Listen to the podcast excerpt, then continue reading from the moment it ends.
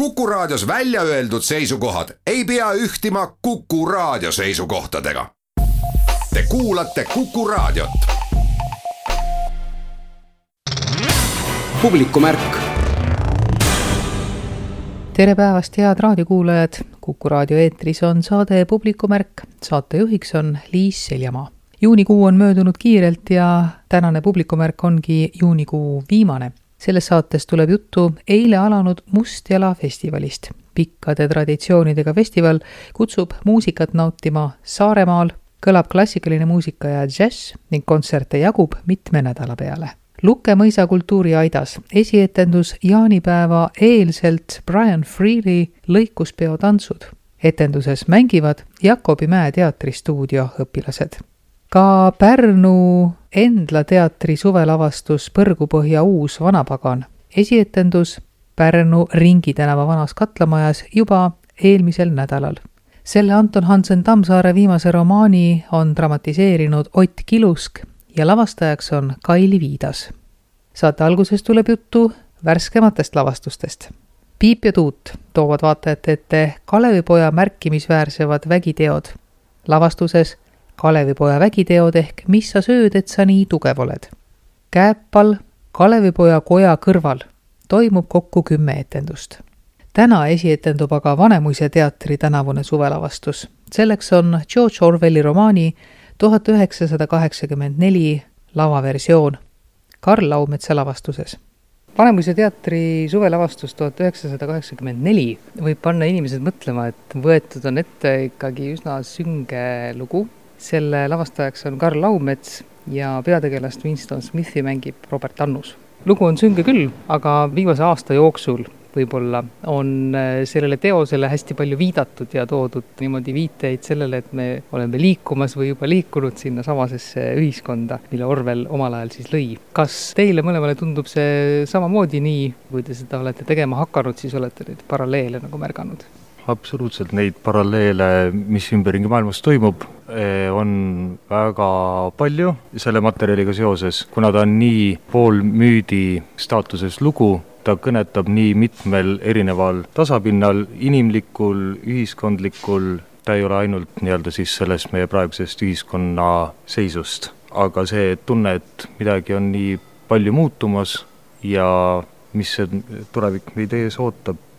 siis see materjal äh, räägib sellest väga ilusti jah, Karl tõi meile prooviperioodi alguses filme vaadata ja artikleid lugeda ja, ja kõik need kummalisel kombel väga täpselt rääkisid sellest materjalist või siis õigemini aitasid meil seda materjali lahti analüüsida. et naljakas on mõelda, et viiekümne kolmandal aastal, kui ma ei eksi, kirjutatud raamat nii hästi avaldub kahe tuhande kahekümne esimese aasta äh, päevakajaliste artiklitega, tekkis küll niisugune imelik tunne, et oleks nagu ajas rännanud tundub, et maailm muutub äh, mingis mõttes kogu aeg väiksemaks, uudised liiguvad nii kiiresti, et meie oma Eesti on ikkagi aina rohkem ja rohkem osa sellest ühest planeedist ja kõik sellel toimuv on meil iga päev kodus ja meie peades ja just sellest see lugu minu meelest räägibki mulle meeldib, kuidas Kristjan Suits, meie lavastuse kunstnik, siis kui me hakkasime seda lavastust tegema kavandite ajal ja kui tuli see pandeemia, siis Tartusse ilmus mingisugune graffiti Covid üheksateist kaheksakümmend neli. nii et ühesõnaga see imbub jah tänavatele ka. seda raamatut on selles mõttes isegi nagu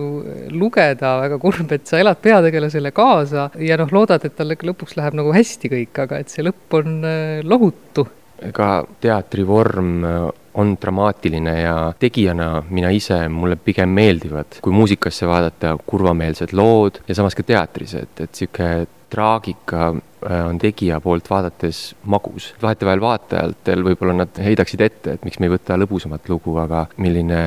ütleme, hingesügavus versus siis väline maailm sellesse tegelasse on kirjutatud, on väga paeluv ja muidugi hea ülesanne näitlejale Teie enda kokkupuude totalitaarse ühiskonnaga muidugi on kas olematu või väga põgus. nojah, mina sündisin kaheksakümmend neli, nii et see kokkupuude oli siis ei rohkem kui vähem kui põhimõtteliselt seitse aastat. et seda, millele see raamat viitab, see ikka nõudis päris suurt sisseelamist, uurimist, nagu päriselt tunnetamist, et mis võib olla siis selle inimese hinges toimuv kes elab totalitaarses režiimis ja neid režiime on ju tänapäeval ka mitmeid, et see ei ole kuhugi kadunud, nii et uh, huvitav ja samas see on hea, et võib-olla me ei ole nii konkreetselt selles ajas elanud, et me suudame ka seda natukene võib-olla objektiivsemalt vaadata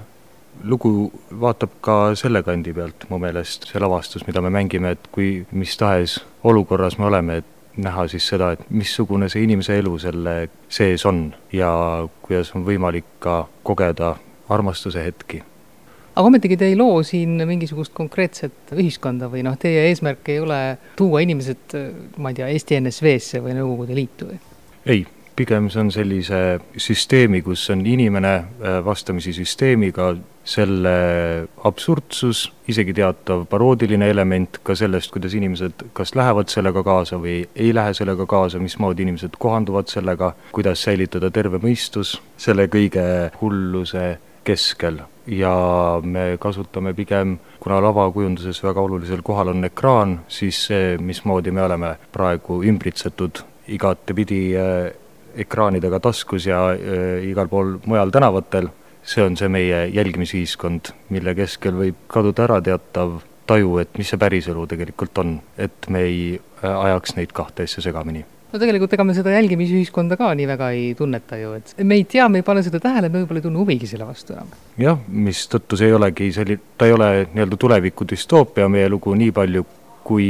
hoiatus me ei tajugi ise seda, kui palju meid jälgitakse, aga noh, selge on see, et meid jälgitakse väga palju või iga liigutus, mida me oma nutitelefoniga teeme, see jääb kuhugi alles, läbi selle söödetakse meile ette uusi uudiseid ja me kogu aeg elame ühes inforuumis, aga kuidas mitte lasta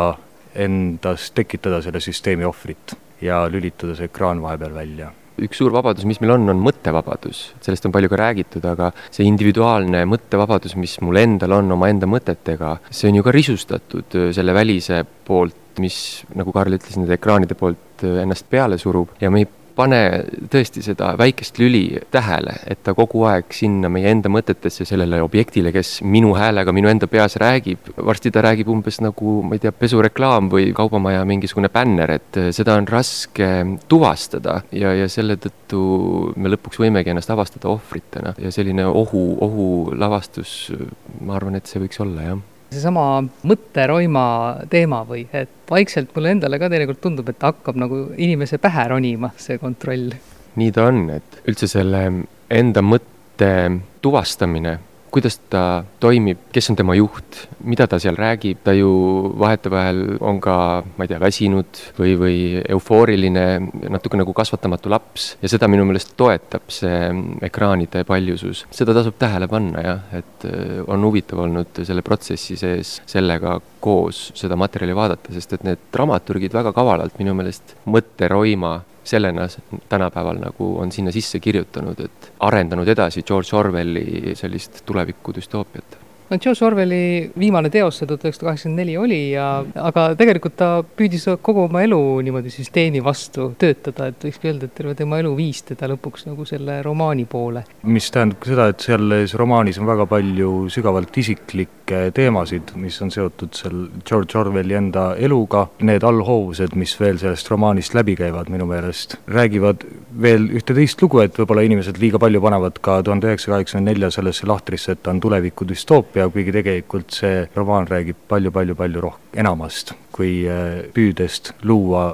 üks düstoopiline õudne ühiskond, et ta ikkagi räägib sellest inimesest selle kõige keskel, sellest, mis teeb meid inimesteks ja kuidas elada seda praegust hetke. kuidas te oma pea selga hoiate või niimoodi mõtted nagu klaarid? Ei muudkui, tuleb vahepeal eh, ennast välja lülitada ja olla vaikuses ja ikkagi märgata elu ja märgata inimesi enda ümber. tänu inimestele jääb kuidagi mõistus selgeks, et eh, suhtuda inimestesse armastusega ma arvan ka, et elu on targem, elu usaldades, temas ongi see tunneli lõpus olev valgus ja armastus olemas, et seda tasub lihtsalt otsida ja meeles pidada ja siis, siis see ka leida. publikumärk suvelavastus Kalevipoja vägiteod ehk Mis sa sööd, et sa nii tugev oled, toob peale jaanipäeva niisugust lusti ja rõõmu Kalevipoja koja õuel. tegu on Piibu ja Tuudu teatri koomilise suvelavastusega, lisaks Piibule Tuudule on veel hulk rahvast lava peal. miks see Kalevipoeg teid niimoodi nagu paelub? Kui nüüd päris aus olla, siis need vanad lood on alati väga lahedad ja ma pean ütlema, et Toomas on meil väga vilunud kirjamees. ta kirjutab lihtsalt väga lahedaid sketšikesi Kalevipoja teemadel ja sellest siis sai kokku üks niisugune lugu, aga tegelikult on see väga pragmaatiline, me käisime esinemas, Kalevipoja koja kõrval on kohe Saare rahvamaja ja seal imetore perenaine Annika Oras, kes võttis meiega kohe sabast kinni, ütles, et aga ühel hetkel võiks ju midagi toimuda. ja, ja ega siis meil selle vastu ka midagi ei olnud ja kuna me oleme mitu suve tiirutanud mööda Eestit erinevate suvelavastustega, siis me mõtlesime, et miks mitte proovida nüüd vahelduseks täitsa paikseks jääda suvelavastusega ja oodata, et rahvas ise su juurde tuleb. kas Kalevipoeg on koomiline tegelane ka? kui nüüd natukene lähemalt seda tegelast kuju vaadata, siis on ta ikka üks paras vürflimees ja tuuletallaja ja ma ei teagi veel, mismoodi mees, ütlemata lahe mees ei ole imeks pannagi, et temast ei ole saanud nii paljud inimesed lugusid välja mõelda ja Kreutzwald veel sinna otsa ka veel eepose kirjutada ja, ja saame meiegi sellest ainest ja on saanud enne meid ja arvatavasti saab ka veel pärast meid ainest sellest Kalevipojast. üks asi on see, et on nagu eepose kangelaseks meil tehtud Kreutzwaldi poolt, teine asi on ikkagi see, kõik need muistendid Kalevipojast mis on ka ju ainest andnud omakorda Kreutzwaldile. ma olen alati imestanud neid meie esivanemaid, kujutad seda ühel päeval ta ärkab hommikul ülesse või on mingisugune õhtune istumine, ma isegi ei kujuta ette, mis olukord see on. ja siis ta lihtsalt hakkab fantaseerima. Ja siis ta räägib ühe loo kokku ühest niisugusest mehest, kelle pikkust me väga täpselt ei tea, aga ta on ikkagi paras jõujuurikas. Ja siis ta võib lihtsalt niimoodi läbi üle Peipsi järve kõndida ja sama lihtsa vaevaga käib ta ka Soomes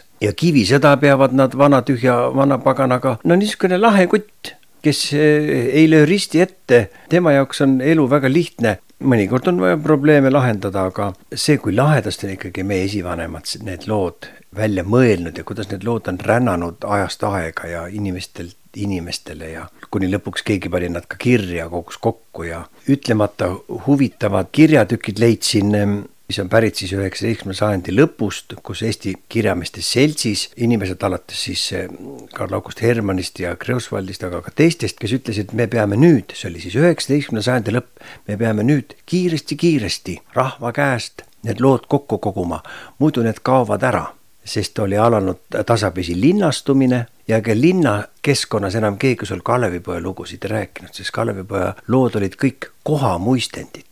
Nad olid seotud mingisuguse künka, mingisuguse auguga, mingi järvega või lohuga, et nad elasid ikkagi seal omas kohas. Ja õigesti tegid ja tegelikult ka täna meil on niisugune pisikene tunne, et, et see Kallevipoeg on pistitud eepose sisse ja see paks raamat, mis on täis värssi, võib tavalugejale natukene jääda kaugemaks, aga tegelikult need lood Kallevipojast ja need muistendid, need on ikkagi pööraselt lahedad noh, see koht muidugi, kus seda mängitakse, see on ikkagi Kalevipoja jalajälgi tänase päevani ka täis. ja praegu hakkab see tulema nagu tagasi, selles mõttes, et äh, seal need, kes seda kohta nii-öelda peavad, nende eesmärk ongi see Kalevipoja legend jälle nagu koha peale tuua võib-olla küll, kuna eelmisel aastal me mõtlesime küll suurejooneliselt, et me avame oma äh, lavastusega peaaegu selle uue Kalevipoja muuseumi, mis on siis Kalevipoja koda, mis on nagu uskumatult ilus, uhke väljapanek ja film ja väga lahe vana, kui ma ei eksi, saja viiekümne aastane maja, mis sai taastatud ja, ja sellest tuli siis selline eh, muuseum. et jah, et ütleme, teda nagu elustatakse taaskord, eh, siis eh, püütakse sealt raamatust kätte saada, see Kalevipoeg, aga, aga ma ütleks, et igaks juhuks vaatajale, et no me päris nüüd seda Kalevipoega seal ümber jutustama ei hakka, aga ta niimoodi, ütleme siis natukene piibutuudu kastmes tänu sellele, et Toomas teda kirjutas, on küll jah, et, et neid lugusid seal on, aga me oleme teinud sellest siiski täie täiesti enda loo, et meil on see pealkirigi juba nii, et mis sa sööd, et sa nii tugev oled, ehk siis me, meid paneb imestama igasugu tegusid, mida see Kalevipoeg on korda saatnud ja kuidas on see võimalik olnud üleüldse. aga see on õigus küll, kui sa lugesid alustuseks, et seal on Piip ja terve rida igasuguseid muid tegelasi, siis need muud tegelased ma küll hea meelega nimetan üles kah, nemad on siis meie Sortsi perekond ja, ja neid mängivad siis eh, noored näitlejad Grete Konksi, Maarja Tammemägi, Stefan Hein ja Kristjan Poom, peakokk Marek lööbki kaasa ja siis on meil veel üks salategelane äh, Oliver, kelle toimetamistest saab siis äh, teada, kui vaatama tullakse. ma tahan lisada vaid seda, et vanad muistendid Kalevipojast on innustanud ma usun, et siis kunagi aasta sadu-sadu-sadu tagasi neid kuulajaid ja neid muistendite väljamõtlejaid, neid fantaasiarikkaid loomingulisi inimesi, kes neid lugusid rääkisid, kui ka tänapäeval tutvudes nende vanade muistenditega, tõesõna, mina sain ikka nii palju inspiratsiooni, et ma võin öelda, et pooled neist muistenditest, mida on võimalik või lugudest, mida on võimalik selles näitemängus kuulda ja näha, lihtsalt sündisid ma reaalselt, kui nad sündisid, ma sain aru, kuidas meie esiisad ja esivanemad või, või, või esiemad mõtlesid lugusid välja. sa pead lihtsalt selle soone peale sattuma, seesama kivi peab sind kõigutama, seesama küngas mägi, seesama metsatukk peab sind puudutama, see loodus peab sind mõjutama ja nii sünnibki lugu. kümme etendust ainult on nii et äh, väga pikalt äh, ei maksa mõtelda. juuni lõpu, juuli algusega mängitakse need äh, etendused kõik ära, mõni päev on isegi kaks tükki. jah, mõni päev on kaks tükki jah. kolm korda on meil kaks etendust ja siis muidu on nagu õhtused etendused, et, et saaks perega tulla, et kui on tööpäev juhtumisi mõnel veel. ehk nädalavahetustel mängime kaks etendust. aga mõeldud on siis kõigile, et lapsed, vanaemad, emad-isad just nimelt kogu perele selle sõnapaari kõige paremas tähenduses. ja, ja muidugi võib lisada ka, et kui juba etendust vaatama tulla, et siis tasub seda muuseumit ka külastada ja etenduse pilet annab soodustuse. ja lisaks muuseumile on seal kõrval ka seikluspark ja seal on ka selline vabaõhu ähm, ala. ala, kus on siis Kalevipoja mõõt mitu asjad, toolid, lauad, mõõk, mida siis lapsed saavad alt üles imetleda ja, ja aru saada, missuguses mõõdus ikkagi see Kalevipoeg oli seal lähedal on ka jääkeskus, kus mina olen äh, Kalevipoja jalalaba näinud, no see on umbes niisugune voodimõõtu, et enam-vähem võib ette kujutada. ma võin öelda, et meie isegi avastame, et see on suurem, kui nüüd ikkagi kõik need muistendid kokku vaadata ja, ja nende tegude järgi, mida Kalevipoeg korda saab, et ta peab ikka mingi mõõt olema, et kui eh, noh, seda on füüsikaliselt võimalik välja arvutada, et kui sa rahnu loobid, et siis mis mõõtu sa pead olema, et sa viskad kaheksakümmend kilomeetrit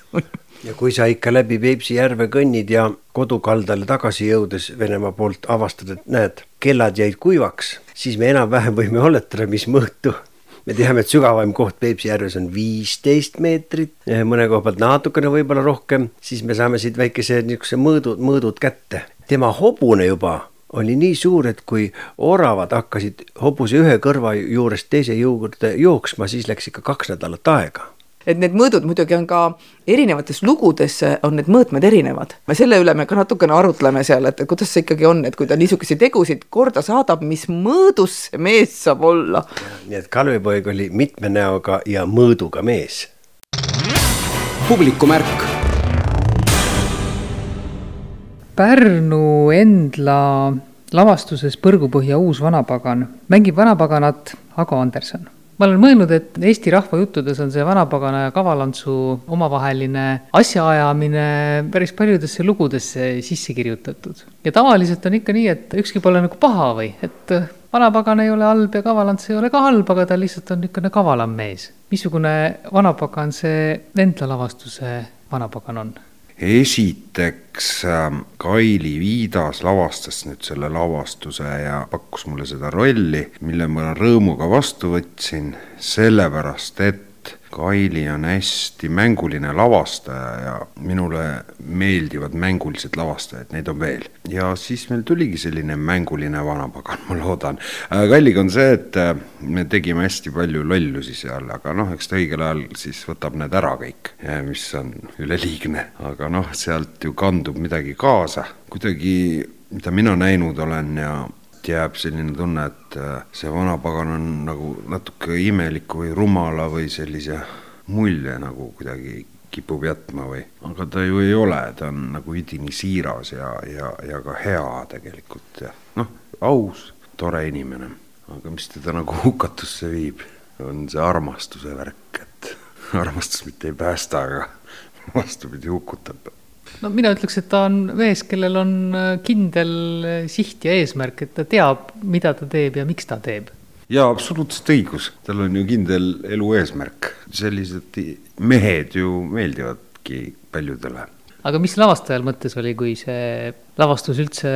päevakorda tuli nii-öelda? mulle tundub, et seda vanapaganat vaadatakse väga tihti natuke nagu süngemas nagu võtmes või niimoodi, et ja mulle nagu imponeeris just nagu see mõte, et Ago toob ka välja selle, on ju, selle mängulisuse, et Ago on ju ka väga mänguline näitleja. et mis siis, kui vanapaganat nagu mängiks nagu koomilise andega näitleja, siis ta nagu kindlasti on teistsugune. et minule meeldib see, et ta on kinnisideega, ma ütleks lausa. ja see tekitabki nagu hästi palju selliseid imelikke konfliktsituatsioone. et see armastus, mis tuleb, see hakkab kasvatama temast nagu inimest. läbi armastuse ta kogeb kõiki inimlikke tundeid ja muutub aina rohkem inimese sarnaseks ja ta ei oska enam vanapagan tegelikult olla, sest et ta on inimene lõpuks. ta teeb kõiki neid samu asju, mida meie teeme, et ta on väga hea õpilane olnud ja ta püüab kinni hoida sellest algsest eesmärgist ja ta saab lõpuks aru, et sellel kõigel ei ole ju mõtet. et ma ei saa hakkama, ma pean minema uuele ringile, sest ega vanapagan ei tule ühe korra ju, ta tuleb nagu kogu aeg ja ta võib tulla ükskõik millises kehaga või millises kehas nagu meie keskele ja ta on määratudki ebaõnnestuma mulle tundub vähemalt Tammsaare poolt on see nagu niimoodi nagu ette antud, et ei saa õnnestuda sellel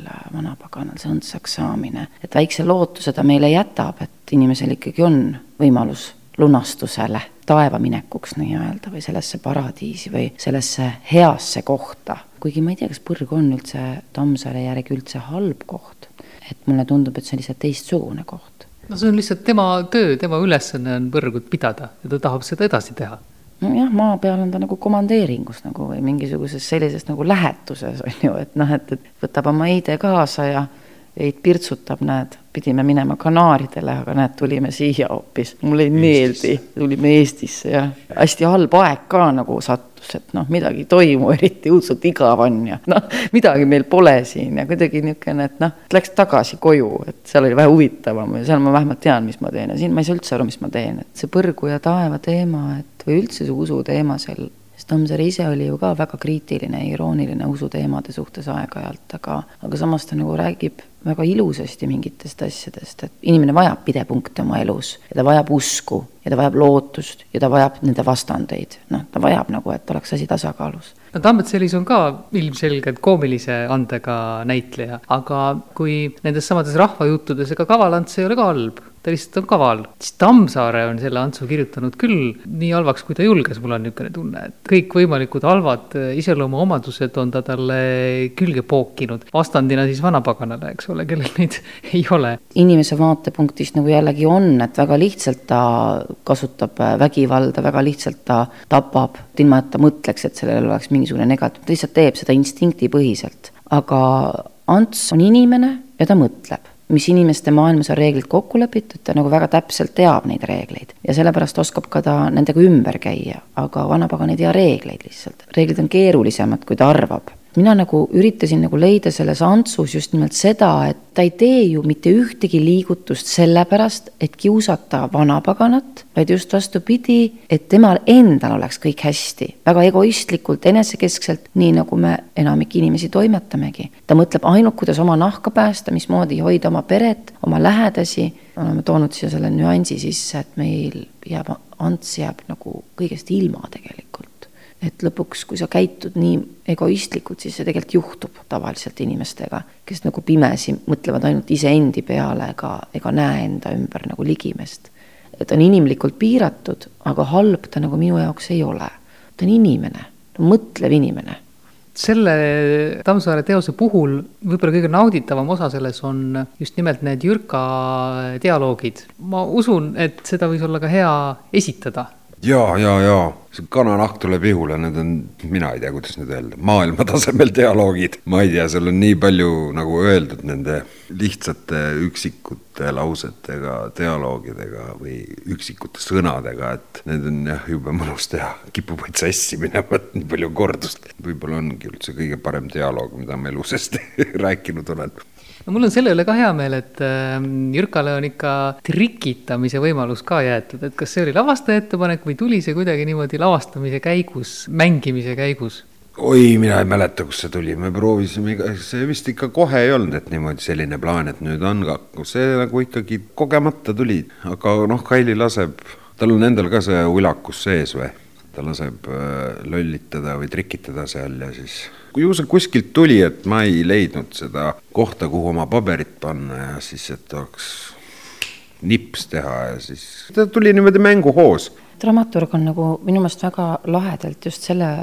võtnud nagu hästi oluliseks just nimelt selle nagu vanapagana pere üleüldse. et ta nagu isegi on nagu natuke saaga sünnist surmani mõnes mõttes, vanapagana sünnist kuni vanapagana surmani ehk siis tulekuni, tulekust minekuni on ju ja mul on õudselt hea meel, et need teemad on seal sees niimoodi. tavaliselt ei võeta, ei juleta seda Riia tegelast näiteks sisse võtta, seda nagu viimast last, on ju, või on versioone, kus ju ei olegi kaksikuid, vaid ongi ainult üks poiss, on ju, ja aga kuidagi, et see läbi juula tulev see elujõud, aga millega nagu vanapagan hakkama ei saa, on ju tegelikult ka isaks olemine. see on väga keeruline ülesanne, tuleb välja mulle endale meeldib väga vaadata seda teises vaatuses, mismoodi need vanad annavad nagu noortele justkui mängulõnga vahepeal täielikult üle, et laste suhted ja asjad on nagu hoopis fookuses, et mismoodi nende elukäigud nagu lähevad jah, kui siin juba ka armastusest äh, selle lavastuse kontekstis oli juttu, et siis seda võibki võtta loona ühest mehest, kes väga armastab oma perekonda, tahab perekonda, saab perekonna ja armastab oma perekonda jaa, ja see on no, jah, nagu ma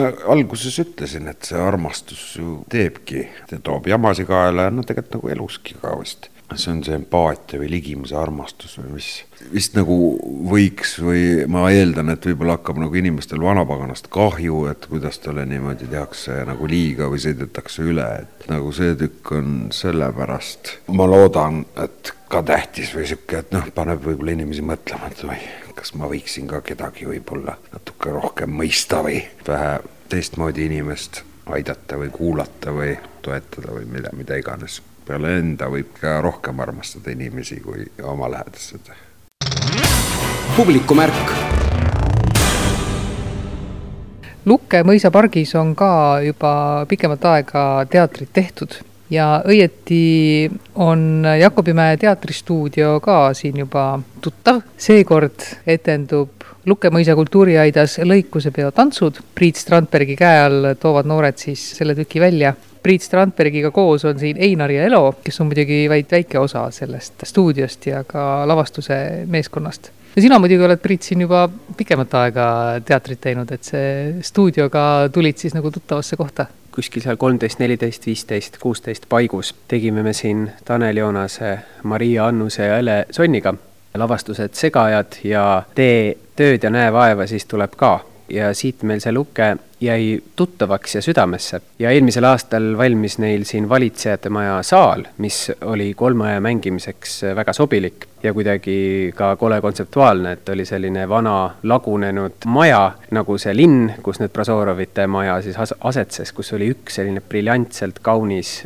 puitakendega saal, valge saal, maalid seinas ja sambad keskel. ja sel aastal on ju tingimused olnud ekstreemsed huviharidusega tegelemiseks ja lavastuse väljatoomiseks eh, nii suve algul. et siis oli Luke nagu hea tuttav koht, kuhu tulla ja et siin saab teha proove vabas õhus kas te olite ka selle eelmise aasta lavastuse juures? olime. see on väga sügavalt meelde jäänud, isegi eelmine aasta see kuidagi läks nagu väga hinge, et see aasta oleme juba nagu harjunud rohkem, eelmine aasta oli selline täiesti välk selgest taevast, järsku teater mõisapargis, selline maja, pildid seinte peal, nagu Priit juba ütles. sel aastal on ka ju pildid seinte peal? Jaa, see aasta oleme juba harjunud. mis teid selle teatri tegemise juures üldse huvitab? enese väljendamine, ikkagi uute niisuguste variantide leidmine ja, ja ikka kunst on niivõrd südamelähedane alati olnud. et siis, kui tekib võimalus ikka teha, siis teeme. mina olen leidnud endale igatahes siit väga suure pere ja fantastiline ongi teha just perega koos nii-öelda siis teatrit. meil kuidagi see nagu ühele lavastusele siis aastas keskendumine minu arust kultuuriliselt arendab väga, kui tavaliselt on näiteringides niimoodi, et saadakse korra nädalas kokku, tehakse midagi, võib-olla tuleb midagi välja, selline lühinäidend võib-olla, siis siin on nagu selline päris teatritunne kogu aeg olemas. see üks selline täispikk lavastus on nagu trenn ka natuke, kütab nagu närvi üles või no sina, Priit, oled ka erinevates stuudiotes vist niimoodi nagu kätt proovinud juhendajana, et see Jakobimäe stuudio ongi nüüd siis viimase, kas ongi viimase kahe aasta või pikemalt juba olnud? tegelikult on ta vist nüüd toiminud meil kolme aasta jooksul, seal Tartu Katoliku Hariduskeskuse kõrval tegutseb Jakobimäe kultuurikoda, see on siis meie, ütleme, seal on teatri filiaal, mille loomise juures ma olen siis ise saanud algusest peale olla, et ta ongi nagu minule väga südamelähedane projekt, kuna ma ise kuidagi leidsin ennast ühel hetkel gümnaasiumis Vanali hariduskolleegiumi teatriarust ja ma sain aru, et mind see nagu inimesena väga raputas nagu heas mõttes või arendas. ja ma arvan, et tundub, et noh, ongi väga raske luua sellist süsteemset teatriõpet, mis on enne ülikooli, et kuidas seda siis teha koolide ja nende kõrvalt. ja see Jakobimäe teatristuudio üritabki seda luua, et erinevatele vanuserühmadele ka, et oleks selline süsteemne õpe mis kestaks, oleks kindla pikkusega ja et mis siis loob nagu eesmärgid, et mida noortega tahta saavutada või mida see teatri õppimine lisaks siis sellele professioonile, sest nad ju noh, ei lõpeta profidena seda stuudiot, mida see veel võiks anda või mida teater üldse võiks anda inimesele. et jah, ja nüüd see rühm on praegu teist aastat ja üks aasta on veel ja võib-olla tuleb järgmine aasta ka veel üks lisarühm, nii et tegemist on, aga selle pinnase loomine võtabki aega, et see on praegu kindlasti sellises arengu, arengujärgus, aga kuidagi tormiselt liigub. ei olnud alguses plaanis teha kahte täispikka lavastust nagu järjest aastatel, aga nii, nii kuidagi on läinud ja, ja on sattunud ka ikkagi andekad noored, kellelt saab palju tagasi. Oled ka kohe klassikutega pihta hakanud, eks ole, et Kolm õde ja ega lõikuspeo tantsud on ka juba noh, väikest viisi klassika kindlasti on ja nagu ka Elo ütles, et klassikaliste materjalidega on see kultuuriline taust niivõrd sügav. nüüd me oleme saanud keskenduda Iirile ja Iiri kultuurile ja see on niisugune väga huvitav avastusretk ja seda klassika kahtlemata nagu pakub, et sa pead olema kursis ajalooga ja tundma, üritama siis võimalikult sisse lugeda sinna kultuuri, kus sa üritad viibida selle lavastusega. ja klassika on kindlasti nagu parim õppematerjal, kus on sügav sisu ja et on vaja jutustada lugu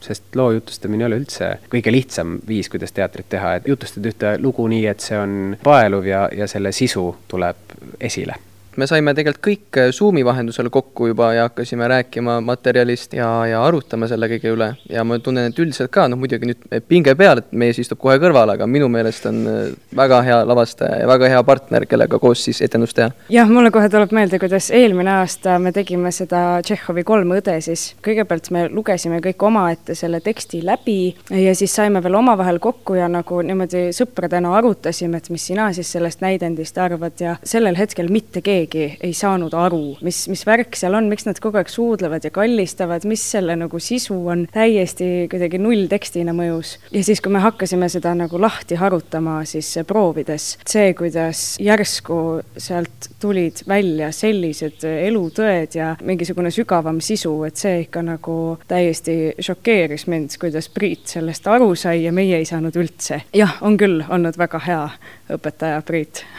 Need Iiri lood kipuvad olema niisuguse sünge alatooniga või et ikka seal mingisugune selline salapärane või niisugune saladus on ja no ütleme ka piltlikult öeldes, et piss on alati seina peal, et kuidas sellist lugu mängida on? See aasta isegi kõige nagu süngem osa sellest Iiri loost ei olegi isegi Iiri alatooniga, vaid näidendi teksti siis on sisse kirjutatud selline tegelane nagu isa Jack, kes tuleb Ugandast misjonilt, kus ta on veetnud siis kakskümmend viis aastat, kõnelenud ainult swahili keelt ja kust talle on külge jäänud ka see Rianga põlisusk. ja see, kuidas need kristlikud, katoliiklikud Iiri neiukesed siis peavad toime tulema selliste järjest välja kooruvate paganlike kõike tõdedega, seda on nagu väga põnev mängida. seda šokeeringut ja ehmatust sellest, kuidas äh, järsku siis vend hakkab rääkima esivanemate hingedest ja palmiveinist ja sellest, kuidas täielikult kaotada ajataju ja, ja värvilistest pulbritest ja rituaalidest ja ohverdamistest. et see on isegi see kõige huvitavam sünge alatoon. No Iiri tüdrukud on nii olulised selles loos, et kuidas nende Iiri tüdrukute kõrval need mehed välja paistavad või meestegelased? no eks meestegelased peavad ka välja paistma, meid on küll, mängib siis noh, kaks koosseisu on, et kaheksa ja kaheksa, tegelikult on kokku on kümme, kümme tüdrukut ja kuus poissi, et natuke ta on niisugune väikene alakaal poistest, aga ei, ei ole hullu. et ma arvan, kõik paistavad silma ja kõik teevad väga head tööd. ja ikka tantsu ja laulu ja nalja ikka saab ka peab saama, peab saama, et, et ikkagi omaette niisugune helgus ikkagi tuleb ka läbi, ma arvan võib-olla nagu soov teha sellest äh, loost ikkagi nagu lootusrikas lugu või tähendab, mitte teha, vaid seda ta ongi, sest, sest lootus ongi alati olemas. ja minu meelest on selle noored nagu väga ilusti ka üles leidnud, et minu meelest on siin ikkagi väga palju helgust ja ilu selles tekstis mis väärib ka niimoodi nagu tõlgendamist. ma ei ütleks, et see on niisugune Iiri äng meil laval, mida noh, tihti me Eesti teatris võib-olla niimoodi tunneme. et minu meelest meil on üpriski kurva alatooniga helge lugu ja temaatiliselt on ikkagi tänapäeval väga nagu aktuaalne selles mõttes, et et noh, nende õdede jaoks on see, et aeg liigub liiga kiiresti, et kui nende juured on katoliiklus ja siis mul on selline tunne, et selles kultuuris oli väga palju seda, et keegi ei tahtnud muutust, aga see muutus tuli, mis puudutab tööstusrevolutsiooni. siis praegu me oleme nagu hästi sarnase asja lävel, mis puudutab nagu niisugust digimaailma, et aeg liigub nii kiiresti, et me ei suuda neid asju pidurdada, aeg lihtsalt sõidab, sõidab üle inimesest ja see on eelkõige nagu see, see lugu, et see, mida me armastame, meie juurid, juured, et me kaotame nendega kontakti kuidagi paratamatult, isegi kui me ei taha, siis see juhtub no see mängukordade arv äh, on küll, no ütleme niimoodi, loetud, aga mitte ainult ühe käe sõrmedel, ikka kahe käe sõrmedel saab lugeda. jah, plaanis on siis mängida kaheksa etendust, pärast jaanipäeva, kolmekümnenda juunini on siis veel kuus etendust, et see teeb kokku kaheksa. publikumärk. Mustjala festival leiab sellel aastal aset kahekümne viiendast juunist üheteistkümnenda juulini Saaremaal kahe nädala jooksul neid muusikaelamusi kuuleb siis ainult mitte Mustjalas. festivali kunstiline juht Aare Tammesalu. no festival on kestnud juba nii kaua aega, et äh, seal on oma kindlaks kujunenud äh, niimoodi kohad, esinejadki, aga mis võiks olla selle aasta Mustjala festivali niisugune ühisnimetaja või selline tunnuslause? No me elame praegu väga õnnelikul hetkel, et me saame taas alustada kontserdielu ja kaunid kunstid saavad kohtuda publikuga ja publik saab kohtuda muusika ja ka väga ilusa loodusega praegu, nii et meil on tõepoolest plaanis sel aastal alustada natuke varem kui tavaliselt, kohe peale jaanipäeva ja siis kahe ja poole nädala jooksul pakkuda terve rida põnevaid kontserte, aga mitte ainult, seal on ka teisi kauneid kunste, kirjandus ja kujutav kunst sealhulgas. Ja ühine selline nimetaja tänavusel festivalil on, et me haarame kaasa kogu Saaremaa. me ei keskendu enam mitte Mustjalale, et Mustjala on see alguspunkt, aga ta jõuab tõesti igale poole üle saare no algust tehakse Kuressaares Kultuurikeskuses on avakontsert, Irina Zaharenkova ja kammerorkester Mees sada kolm mängivad Bachi. tõepoolest, festivali raamid on seotud kahe väljapaistva Eesti muusikuga, need on Irina Saharekova ja siis festivali lõppüritusel, mis on korraldajana ja koostööpartnerina kiriku, tegelikult Kihelkonna kirikumuusikapäevad, seal esineb äh, Ain Anger, kes on Kihelkonnalt ka ju pärit nii et oma kodukirikus laulab, et eh, festivali raamid on jah, seotud kahe väga tuntud ja rahvusvahelisel eh, muusikamaastikul praegu eh, väga heal positsioonil oleva muusikuga, aga on ka Saaremaa raamid, et nii et need Saaremaa muusikud on hästi esindatud selle festivali kavas. ja siis nende raamide vahele jääb terve hulk kontserte, nii Eesti muusikute esinemisi kui ka väliskülalisi, ma hästi kiiresti libisen üle selle programmi et äh, siin on äh, Ungari rahvamuusika ansambel eestikeelse tõlkega on see nimi Purpurpunased draakonid. kindlasti seal on särtsu ja seda energiat kõvasti. Nemad esinevad Mustjalas äh, Vabaõhu laval, samuti Läti eelmise aasta muusik, eelmisel aastal tegelikult Läti valis kaks kõige paremat muusikut, üks oli Raimond Spauls ja teine on Agnesa Eglina pianist, tõesti praegu tippvormis ja äh, hiilgavaid kontserte andev muusik, kes tuleb Saaremaale ja mul on väga hea meel selle üle, et meil, olgugi et lätlased on meie naabrid, aga noh, eriti viimasel ajal meil ei ole seda kontakti, et teada täpselt, mis nende juures toimub. samuti on üldse naaberriikidest on päris palju esinejaid, Rootsist tuleb bandooniumi mängija Jens Lundberg, kes mängib Astor Piazzolla muusikat, no põhjust äh, seda tango, uut tangot äh, mängida ja kuulata on alati, aga sel aastal eriti, sest Astor Piazzolla sajas sünniaastapäev on tänavu. samuti on ooperimuusika õhtu ja seal esinevad Rahvusooper Estonia solistid, neid saadab Tarmo Eespere klaveril ja see kontsert toimub Kärla rahvamajas, mis on hiljuti ehitatud uus hoone. kes ei ole käinud, soovitan väga minna kontserdile nii muusika pärast kui ka arhitektuuri pärast, et kui toredasti on võimalik ehitada uut äh, kultuurihoonet ja kui hästi see asetub sellesse Saaremaa keskkonda. ja nii edasi, muidugi me ei jäta korraldamata ka võib-olla publiku jaoks kõige atraktiivsemat kontserti Ninase rannakaitse patareis see on traditsiooniline kontserdikoht, aga muidugi mõista mitte ehitatud kontserdisaaliks. samal ajal on seal erakordselt hea akustika ja see kontsert on seotud Tagaranna kirjandus- ja külapäevaga, mida veab kirjanik Maimu Berg, kes on ise pärit Tagaranna külast. Seal on päris palju kirjandusinimesi, poeete, kes seal kusagil kadakate vahel õhkavad ja oma, oma luulet laevad. Ja samuti on siis muusikat, me valisime Tõnis Kaumani teosed illustreerima, et seal on ka kirjanik Maimu Berg astub ise üles, loeb oma novelli, mille pealkiri on Hitler Mustjalas, sellises üsna groteskses vormis, väga põnev mõttekäik ja selle kõrval siis Tõnis Kaumani, kes on kirjutanud ooperi Mina Napoleon, et ma usun, nad sobivad omavahel hästi,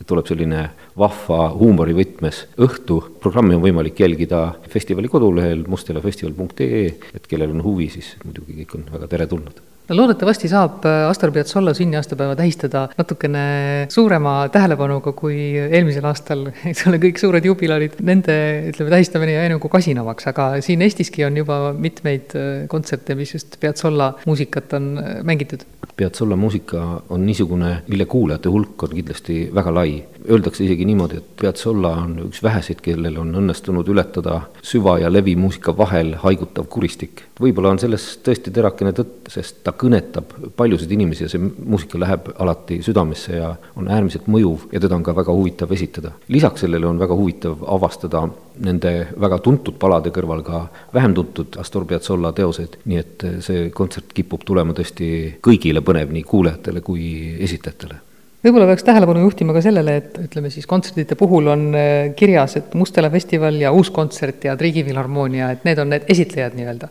Need on koostööpartnerid, ilma kelleta ma muidugi hakkama ei saaks. ka Kihelkonna kirikumuusikapäevad, selline hästi tore sündmus, mis on äh, samamoodi nagu Mustela festival kahekümne seitsmendat aastat toimumas ja nende, ütleme, tegelikult on see ju jumalateenistus, kus Ain Anger tuleb laulma, aga seal on laiendatud muusikaline osa. nii et Mustela festival teeb hästi palju koostööd agentuuriga agentuuriga Uus Kontsert loomulikult ja veel paljude teiste organisatsioonidega, nagu Ungari Kultuuri Instituut näiteks ja, ja nii edasi. ja siis on meil loomulikult ka palju toetajaid ja väga hea meel on selle üle, et ka kohalikud ettevõtjad on olnud valmis meiega koostööd tegema kas sellel aastal võib juba mõelda natuke rohkem ka selle peale, et külastajad saavad tulla kaugemalt kui ütleme, Eesti piirest? Saaremaa on muidugi tuntud suvituskoht olnud väga paljudele nii põhjanaabritele kui ka idast-läänest, ükskõik kust nad tulevad jah, eelmisel aastal oli põhiliselt Eesti publik, sest lihtsalt välisturistid ei pääsenud ei Eestisse ega veel vähem siis Saaremaale. vaatame, kuidas sel aastal läheb, aga meie oleme loomulikult avatud erinevale publikule ja me suuname oma kontserte samamoodi nii Eesti kuulajale, kui tutvustame päris paljudes programmides ka Eesti muusikat, nii et kui tulevad külalised kaugemalt, siis neil, ma usun, neil on päris põnev saada osa sellest meie kultuurist, meie heliloojate loomingust. ja loomulikult on see festivalide aeg, see on selline kahesuunaline liikumine, et ühest küljest me tutvustame Saaremaad inimestele, kes võib-olla käivad harva Saaremaal või ei ole kunagi seal viibinud, teisest küljest me toome ju Saaremaale sellist kultuuri, selliseid sündmusi, millest neil on mõnevõrra raskem osa saada kui mandriinimestel, sellepärast et Saaremaal praegu veel kontserdimaja ei ole, et plaanitakse küll Louis Kahni keskust, aga see on vist natukene kaugem tulevik kui siin mõned teised kultuuriobjektid, et väga suuri projekte on Saaremaal keeruline korraldada, selleks tuleb siis ehitada eraldi hoone, kus kas kontserte või mingeid muid kultuurisündmusi korraldada, aga igal juhul on see niisugune vastastikune tegevus ja kui siis piirid avanevad, loomulikult on see hästi põnev kogemus inimestele, kes võib-olla saartel ei ole üldse nii palju käinud, ma mõtlen Euroopast või ka kogu maailmast. varasematel aastatel on nad tegelikult kõige tänulikumad kuulajad on just välismaalased, kes avastavad lisaks Kuressaarele ka väikeseid kohakesi Saaremaal, väikseid kohti ja muidugi seda hämmastavat loodust, kõige krooniks saarlaste huumorimeelt